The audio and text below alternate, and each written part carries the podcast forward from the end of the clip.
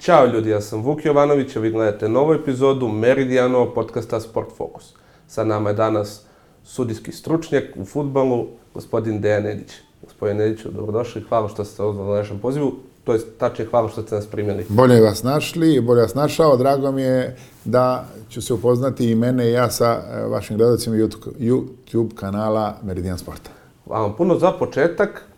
Krenut ćemo od toga malo da se upoznamo sa tim sudijskim poslom koji nije ni malo lak. Kako se postaje sudija? Kako ste vi postali sudija? Kako se donosi ta odluka? Koliko je teško na početku? Možete to malo da nam približite? Ni malo lak, ali prelep.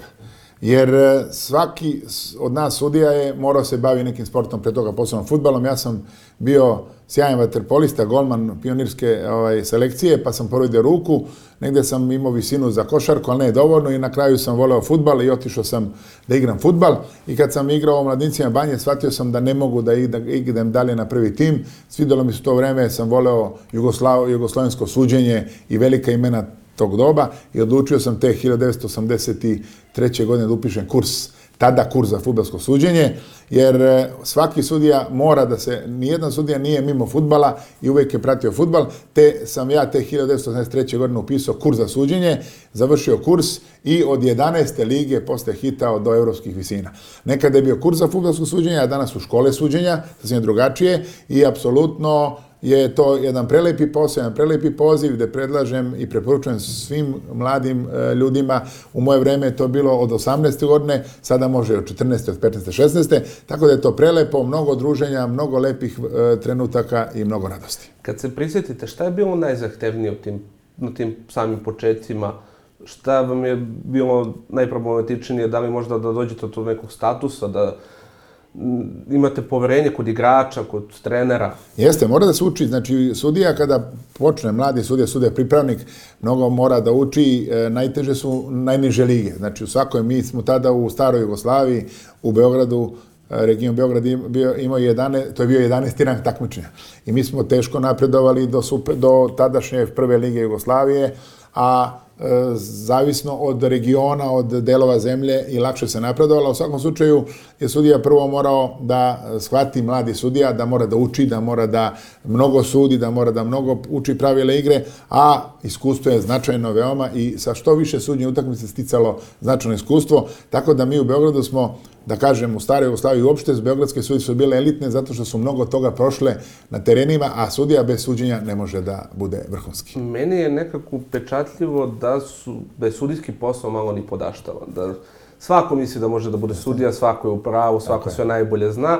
Zato smo sada tu da objasnimo koliko je to zahtevno, pre svega s psihičkog, a onda i sa fizičkog stanovišta. E, dobro ste to primetili, Vuče, jer e, svi su u ovoj našoj zemlji Srbiji selektori i svi su sudije ali da bi bio sudija, mora se završi kurs, odnosno škola suđenja, mora da se dobro pravila nauče, mora stekne iskustvo, ali i e, psihička priprema je veoma važna, pogotovo sada u vreme e, kada su igrači spremni, moraju sudije biti spremne. Pogledajte sada kako sudije izgledaju. Nekada Sjetim se studije Van der Ende iz Holandije, bucmasti sudija, sudio su, ligu šampi, kup šampiona tada. Sad je to prosto nemoguće. Pogledajte kako izgledaju sudije na ligi šampiona.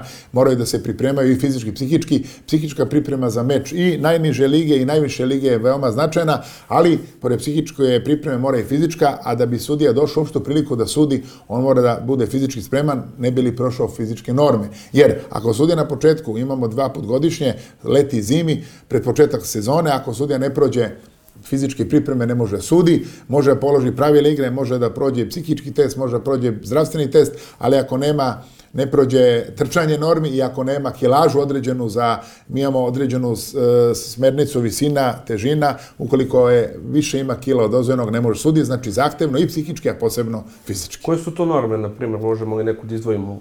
Da, da, nekad su bile to, lakše su nekad bile norme, to je bilo Cooperov test, znaju stručnici šta je to 2400 metara za 12 minuta, pa su ga povećavali 2700 metara za 12 minuta, a onda se prešlo od pre 10-15 godina na jojo test, prešlo se na uh, kratke deonice, uh, kao atleti, atletske uh, norme, sve u svemu to je mene i ponukalo kasnije i nas starije da, na, da ostavimo to jer nismo više mogli kad smo već ušli u godine, ali sada, boga mi, i mladi, i mlađe i starije sudije moraju i zato su, vidite, sada na širom Evrope i naše zemlje, sudije su jako spremne za taj fizički test. Kao što smo pomenuli, jako je bitna i psiha, pogotovo u tim nekim momentima gde stani pani, gde su granice minimalne, gde svaki kontakt može da bude, ili svaki metar terena može da bude i tu je i nije offside, nije offside. Naravno. Kako je reagovati u tim situacijama? Šta je u tim momentima u glavi? Da li se oslanjate na neki prijašnji rad? Kako da vam kažem, iskustvo i to je mnogo važno, koncentracija, priprema za meč. Sada u moje vreme, u naše vreme, pre nije bilo ni e, pomoćni sestava, ni var, ni nekad je bilo i, sećate se, pre vara, bilo i šest sudija, bilo i sudija sa strane, i sudija na gol, na gol, out, gol liniji. E, mi smo, nekada bilo samo trojica sudija, onaj četvrti. E, uglavnom se moralo dobro koncentrisati, odluku je e, moralo se donositi u deliću sekunde, to znači e, praćenje linije, ako si pomoćni sudija kad govorimo o offside-u, isključivo praćenje linije pretpostavnih igrača, jer samo ako si u liniji pretpostavnih igrača i pratiš njega, možeš da uhvatiš offside. Ako zakasniš me, pola, a, 15 cm levo ili desno, ne možeš ga uhvatiti što je normalno. Tako da je to vrlo važno pokretnost, vrlo važno pravilo da se to prati, a što se tiče sudije, apsolutno sudija u terenu prati dijagonalu, postavljanje je mnogo važno, može, mora da vidi uvek i jednog i drugog kolegu, mora prati situaciju, a sada je to i lakše jer ima i drugih komunikacija poput VAR sistema ili gol tehnologije, što mi nekada nismo imali. U VAR sistemu ćemo nešto da. kasnije, ja bih se sad malo zadržao, kao što ste sami rekli, počeli ste od najniže lige, pa ste posle došli do najviše, najvišeg ranga evropskog futbolskog takmičenja. Da li ste vi imali neke neprijatnosti, neke zanimljive anegdote što biste mogli da ispričate? Da, ja nisam imao, obično to budu neprijatnosti na nižim ligama, 11. 10. 9. 8. Ja sam imao na trećoj ligi tada, što je zemlja, mislim da je zemlja bila SR Jugoslavija, u Crvenki, Crvenka u Vojvodini, Crvenka iz Vojvodine igrala je sa Železnikom i tu sam ja imao problem nije se dopalo suđenje moje, tad sam bio sudija, sudio sam do treće lige tada, tadašnje Jugoslavije, a onda sam prešao na listu pomoćnih sudija, sada se, sada se lista uh, A i B lista, A, A lista je suđenje, B lista je pomoćno suđenje, već se pravi na četvrtoj ligi, a u naše vreme na drugoj ligi. I tada sam sudio treću ligu Crvekan Železnik i nije se dopalo suđenje bez, bez neosnovano domaćinu. Železnik se tada borio za ulazak u drugu ligu. Crvenka je vada igrala tada za Srem i Sremske Mitrovice da bi pomogla njemu i baš je bilo teško i sećam se neprijatno i tu sam ja. Inače uvek neki od nas sudija strada negde, ne može se reći da ne strada nide, ali nemoguće da prođe sudija glad bez ikakvih problema, ali sve su to sada lepe uspomene e, i na nižim i na višim terenima ali je lakše, što je lakše, što je viši e, rang takmičenja, to je mnogo lakše suditi. Kako ste vi pokazali stav u tim momentima kad treba da stanete iza neke odluke? A... Odlučnost je mnogo bitna. Znači, kod, kod sudije, odlučnost, hrabrost, odlučnost, tako e, si video da ako si siguran da si u pravu, odluka je tvoja, ali ako kolege, jer uvek smo tim, sudijski tim je morao biti i tada i sada, ukoliko sudija pogreši i shvati na terenu pogreši, može la, odluku promeni, ako ga ubedi u to kolega. Sad je još lakše, kasnije ćemo varu, sad pogotovo ima sistem koji može sudiju da ubedi da je pogrešio, ali onda kada nismo imali, tada je bilo poverenje da se ide sa kolegom kome veruješ i e, recimo ja sam mom kolegi Deleviću na međunarodnoj utakmici e, penal dosudio, dotrčavši e, u 16 teraci, pokazavši negde, u Nor negde mislim da je bilo u Velsu, pa kad me norveški, ovaj, norvežanin e, posmatrač pitao što Australije, rekao, ja sam pomogao kolegi da donese značna odluka. Šta je bitno? Bitno je da se donese značna odluka, pa makar zajedno u timu da spomenemo još, sudili ste brojnim velikim imenima, da li je da neko od vas ostavio poseban utisak od igrača, trenera, možda i samo u kluba? Kao Boško Đurovski je uvek bio moj omiljeni lik i kao navijača Zvezde, a kasnije kao sudije koji je voleo sudi Zvezdi i Partizanu svima. Mnogo sam utakmica gledao kad je Boško bio. Kao sudija sudio sam i e, Stojkoviću, sudio sam i e, Eh, ali su mi najteži bili za suđenje meni eh, kao pomoćnom sudi eh, Žigić i Panterić. To je bilo jako teško. Imali su takvu liniju dijagonalu kretena da ih jako teško bilo uhvatiti, tako da se uvek setim kad vidim Žigića i Panterić, uvek se prisetimo kako je to bilo teško. A na međunarodnoj sceni sećam se utakmice Lige šampiona, kvalifikacije Dinamo Kijev Tun, kada Guseva nisam mogao da uhvatim, Gusev brz, ja onako ovaj, uh, usporen, spor, sporio njega i ostao mi upamćeno Guseva, nisam mogu da uhvatim uh, u Kijevu na toj utakmici, nikako mnogo brže od mene bio.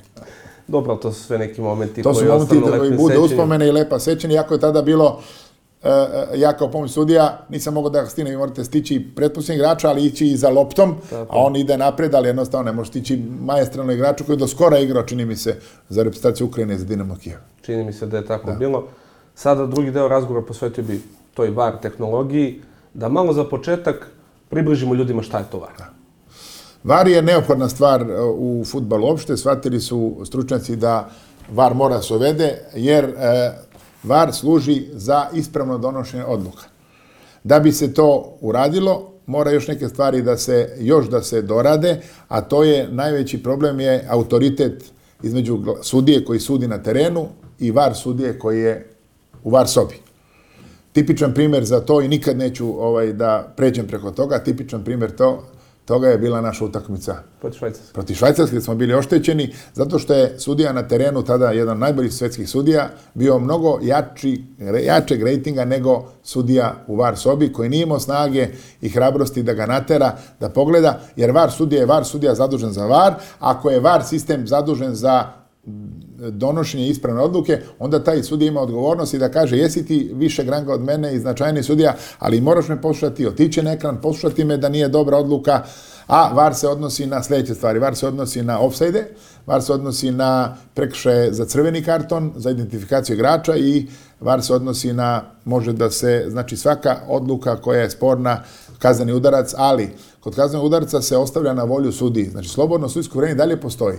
I VAR se ne meša u intenzitet odluke sudije. VAR se meša samo ako je jasna i očigledna greška. Ako svi vide da igrač nije dotakao igrača, a sudija svira penal, VAR mora da reaguje. Ali ako se radi o prekršaju, a sudija procene na terenu da je blagi prekršaj, VAR se ne meša jer ostavlja sudiji to na volju. Spomenuli ste tu taj čuveni meč koji ne pamtimo po dobrom. Da. I da nije bio neki sklad između VAR Da, sobe i... da. Kako se uspostavlja taj E, kompromis, kako bi rekao, neki najbolje rešenje? Najbolje rešenje mora, je pravilo. Pravilo jeste ako VAR soba ima za zadatak da jasno i očiglednu grešku, kao što je bila jasna i očigledna greška, nije se radilo o intenzitetu nikakvome.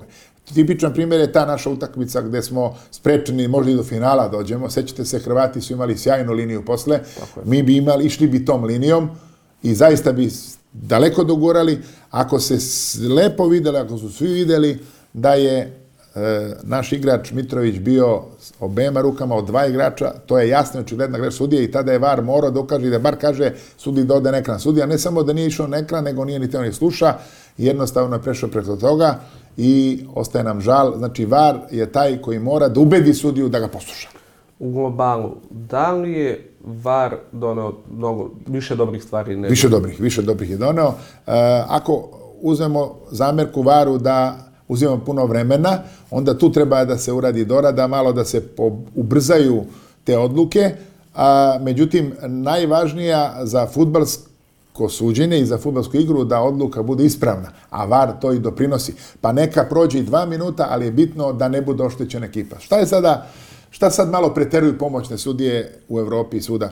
Preteruju u tom takozvanom odlaganju ofsajda. To, da li To su odlaganje, se ulenjile tako sudije je. malo? E, odlaganje ofsajda mnogo su bukvalno shvatile. Ako vidi, ako sudija vidi da je ispred njega, a da je ofsajd siguran, nema razloga da odlaže odluku takozvano stručno, nego treba da digne. Međutim, šta je poenta ove priče? Poenta priče je kada je mali ofsajd ili kada je sudija nije siguran, ako podigne zastavicu, i to opterećuje pomoć sudija, ako podigne zastavicu i prekine akciju, onda više nemoguće da se ispravi ta situacija, da se prizna pogodak.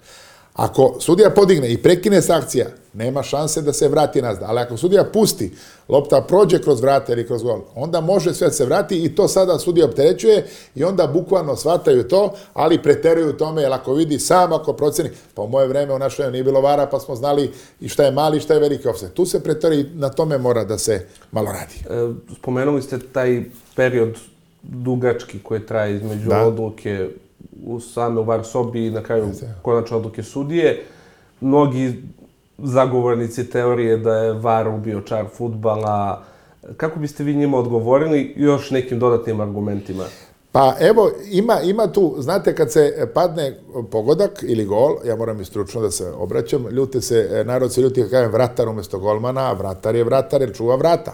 Vrata e, e, nije gol, nego su vrata, ali dobro. Zato ja kažem vratar golman.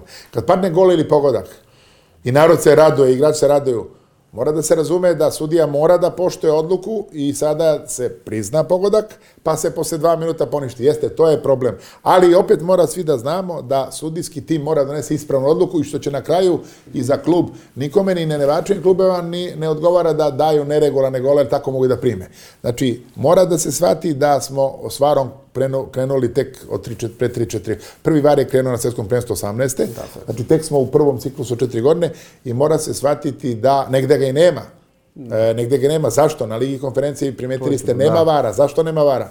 Zato što je to e, siromašnije takmičenje lige i ne možete vi tražiti od nekog kluba negde u Farskim ostrovima koji se plasirao, jer svi moraju biti jednaki i zato i ne možete očekivati. Međutim, uh, UEFA nema toliko para, ima dovoljno, ima dovoljno puno para, nema toliko para da pokrije svakoga. E, to je sad problem VARA da bude na svim takmičenjima i kada VAR se bude ustalio na svim takmičenjima, onda će biti svima jednako. Ako nije svima jednako.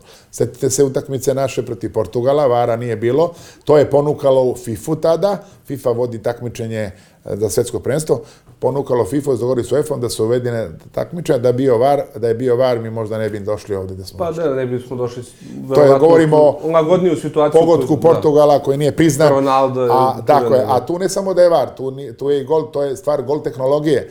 Ne mora da bude var, da, da, da razjasnimo vašim gledacima. Prelazak, gol, prelazak lopte preko vrata, u vrata po gola, to rešava gol tehnologija koja postoji na Ligi šampiona i malo nema je u nacionalnom prvenstvu, redko je da ima, to je sat koji sudija nosi na jednoj od, ako nosi na ruci normalan sat, druga, on pišti i to je sigurno, tu nema e, dileme dale. Kada lopta pređe zamišljenu liniju elektronsku, svira mu sat pišti i viče gol, piše gol i to je sigurno.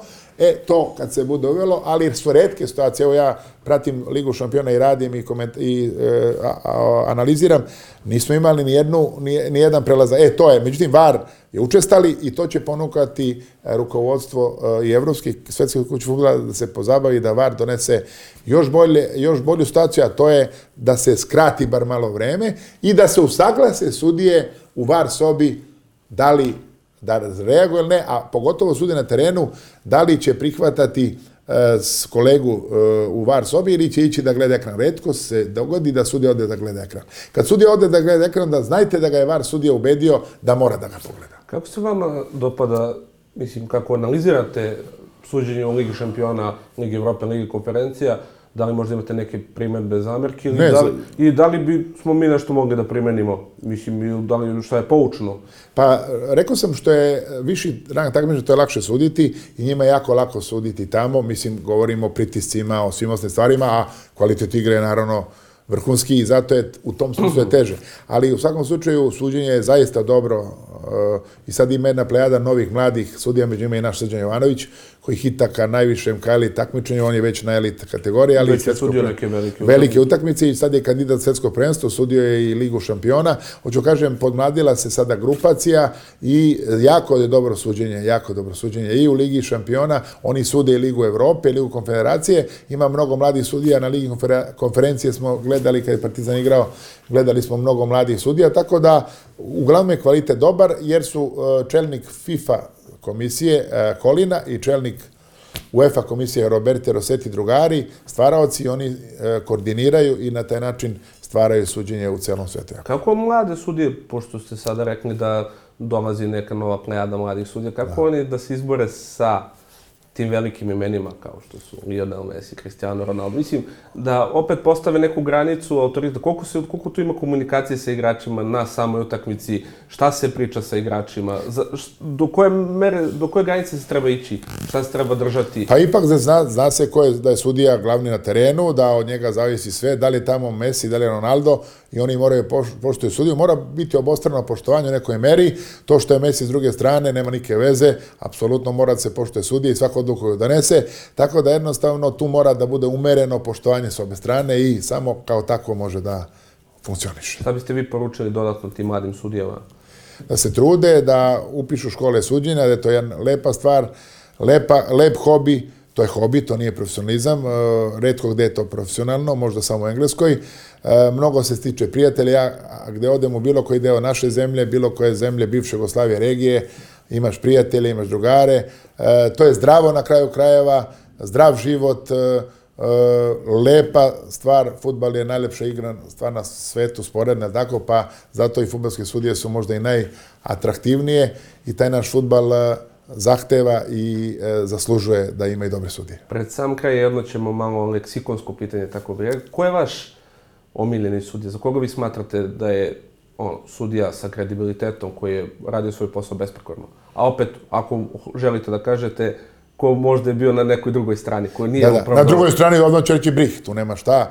Zato što je e, Nemac e, e, pokazao tendenciju. On je bio tada najbolji svetski sudija, a sudio je tada po nalogu je sudio, sigurno znam da je sudio po nalogu i to ga odmah je, a naravno imamo i one čuvene sudije Mikelotti, Sorensen, koji nos, setite se onog sudije, mislim da je bio Sorensen koji je svirao kazneni udarac, odnosno penal svirao za reprezentaciju Španije protiv nas na 25 metara i tako A, dalje. 82. godine. Tako je, tako je. A što se tiče pozitivnih, e, to je naravno Kolina, to je e, bio tada stari Van der Ende, sudija holandski, a u posljednje vreme to je, sada se oprostio holandski sudija je bio, e, sad mi stade mozak, e, do skoro je sudio, e, mada i Turčin, moram reći, nema ga sad u posljednje vreme, čak je jako je. dobro sudio, jeste, a kažem, sviđa mi se kako se srđan sada ponaša, ima dobra ple- plejada mladi sudija, Marčinjak iz Poljske, jako dobar sudija i mislim da, da